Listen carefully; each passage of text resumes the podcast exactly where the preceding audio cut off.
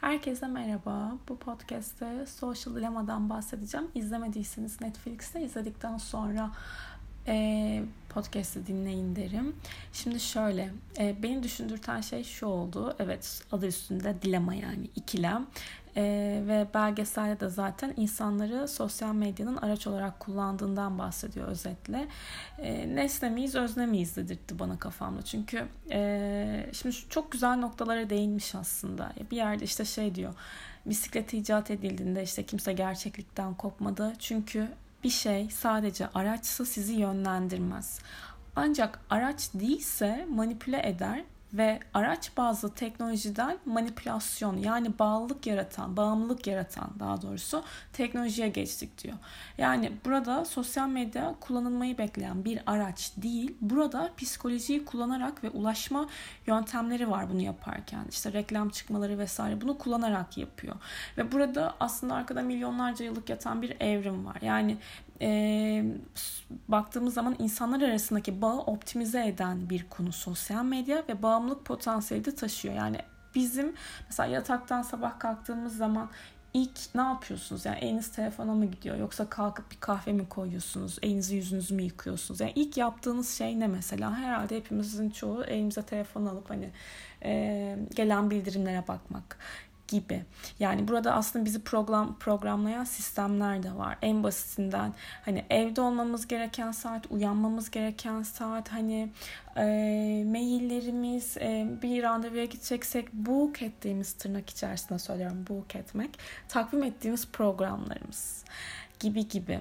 Ve e, bu aslında hakikaten dipsiz bir kuyu gibi. Yani girdikçe giriyorsun girdikçe giriyorsun. Hatta şeyde de e, belgeselin sonunda da Silikon Vadisi'nde küresel birçok insan yani küresel bir beyin yarattığımızı düşünüyor dedi dediler.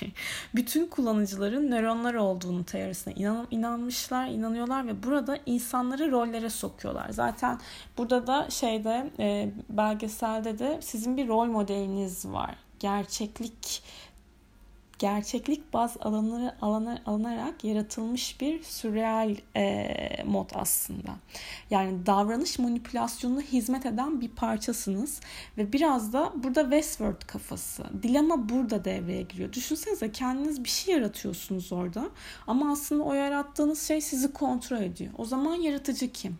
İşte dilema bu, ikilem bu zaten. Ve şu da enteresan geldi açıkçası. Ee, hani evet burada varoluşsal bir tek, teknolojinin varoluşsal bir tehdit olduğu düşüncesi var. Doğru. Gerçekten bu da büyük bir iddia. Ama şunu da düşündür, düşündürtebilir diyor zaten. Yani telefon elinde seni kontrol eden kim? Bilgisayar ekranına bakıyorsun. Arka taraftan seni kontrol eden kim? Ee, bilgisayar da belki varoluşsal tehdit nerede dedirtiyor. Yani teknoloji evet her şeyi yaratabiliyor ama bu teknolojiyi yaratan da sensin. Teknoloji teknoloji ne yapıyor? Fanatizmi yaratıyor, kutuplaşma yaratıyor, ikilemleri yaratıyor ee, ve belgesel sonunda şunu örnek veriyor. Yani öneride bulunuyor. Diyor ki işte videoyu izledikten sonra YouTube'da mesela e, şey yapmayın. Size önerilen videoyu izlemeyin, siz seçin diyor. Kontrol sizde olsun diyor. Ama Netflix'te bu belgesel bittikten sonra benim karşıma önerilenlerde işte Atiye'nin programı, Atiye'nin dizisi geldi, fragmanı geldi. Son 5 saniye içerisinde başlıyor bir de okey bile demeden hemen. Yani niye Netflix yok mesela o zaman? E burada da bir dilema var bence. Kendi içlerine de çelişen bir, bir sürü durum var. Ve e, dijital gizlilikle ilgili yasa yok demişler mesela. Hani mali açıdan düzenlemelere gidilmesi diye de öne, öneri vermişler. Eee bu bizi neden ilgilendiriyor? Ee, şimdi Jüpiter Satürn kavuşumu olacak. Aralık ayında 21 Aralık'ta Jüpiter ve Satürn Kova burcunda 21 Aralık'ta kavuşacaklar ve olay artık topraktan oğlaktaydılar ya bunlar. Hava elementine geçeceği için her şey hava ile ilgili daha çok hız kazanacak, yapılandırma kazanacak. Yani nedir? İletişim, bilgi, teknoloji, uzay bilimleri bunlar hakikaten çok gelişecek ve yapay zekadan farkımız ne diyeceğiz belki de. Bir bakmışız tarlalarda yapay zekalar çalışıyor. Tam bir jetgiller muhabbeti aslında. Orada da gerçi tarla havada da uzaktan pazarlama, uzaktan eğitim, uzaktan enerji yani sanal gerçeklik, gerçeklik algısı çok meşgul edecek kafalarımızı. Ee, Yani burada rüzgar enerjisinden belki faydalanacağız. Ee, sanal gerçeklik dediğimiz her şey hava ile ilgili, hava elementiyle ilgili aslında yukarılara, bilince, üst taraflara kayacak. Ve e, bu beni açıkçası bir taraftan heyecanlandırıyor, bir taraftan e, endişelendiriyor. Aslında e, optimistim bu konuda. Evet hani e, çözümler, farklılıklar, yenilikler, yeni bakış açıları okey. Ama bir noktadan sonra bu yapay zekaların işin içerisinde daha fazla olması bizim bu dünyada e, özne mi yoksa e, nesne mi olduğumuz konusunda, etken mi edilgen mi olduğumuz konusunda ikilem yaratıyor. Hani diyeceğiz ki dilema da burada zaten. E, iki tarafta da kafa karıştıran sorular var.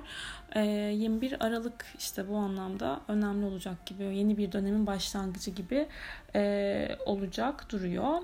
Kova dönemiyle beraber hayatlar, kafalar e, daha böyle bilim, teknoloji, data ile ilgili konular. Mesela şimdi bilgi toplama, bilgi savaşları olabilir belki de yani. Savaş olmasın tabii de hani e, İnsan buna ne kadar hazır bu da tartışılır. Yani bilincimiz buna evrildi mi? Bilincimiz buna evrilebiliyor mu? Belki bunları da çiplerle halledecekleri bir dönem olacak. Yani hani beyne bir şey takacaksın veya bir yerine bir şey takacaksın. İşte ondan sonra ne olacak? Burada sen o programa hazır hale gelmiş olacaksın. Update edilmek gibi hani bir sürümün e, update edilmesi gibi telefonlarda nasıl uygulamalar otomatik olarak hani güncelleme geliyor. Biz de belki öyle bir döneme geçeceğiz. Yani burası e, optimistik konusunda da tartışılır. Her şey tartışılır. Her şey tartışmaya açık zaten hava elementlerindeyiz.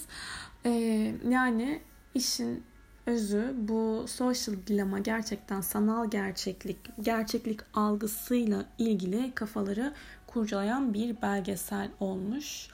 Bence bir göz atın derim. Önümüzdeki iki buçuk yıl boyunca bunlarla çok ilgileneceğiz çünkü. Hoşçakalın.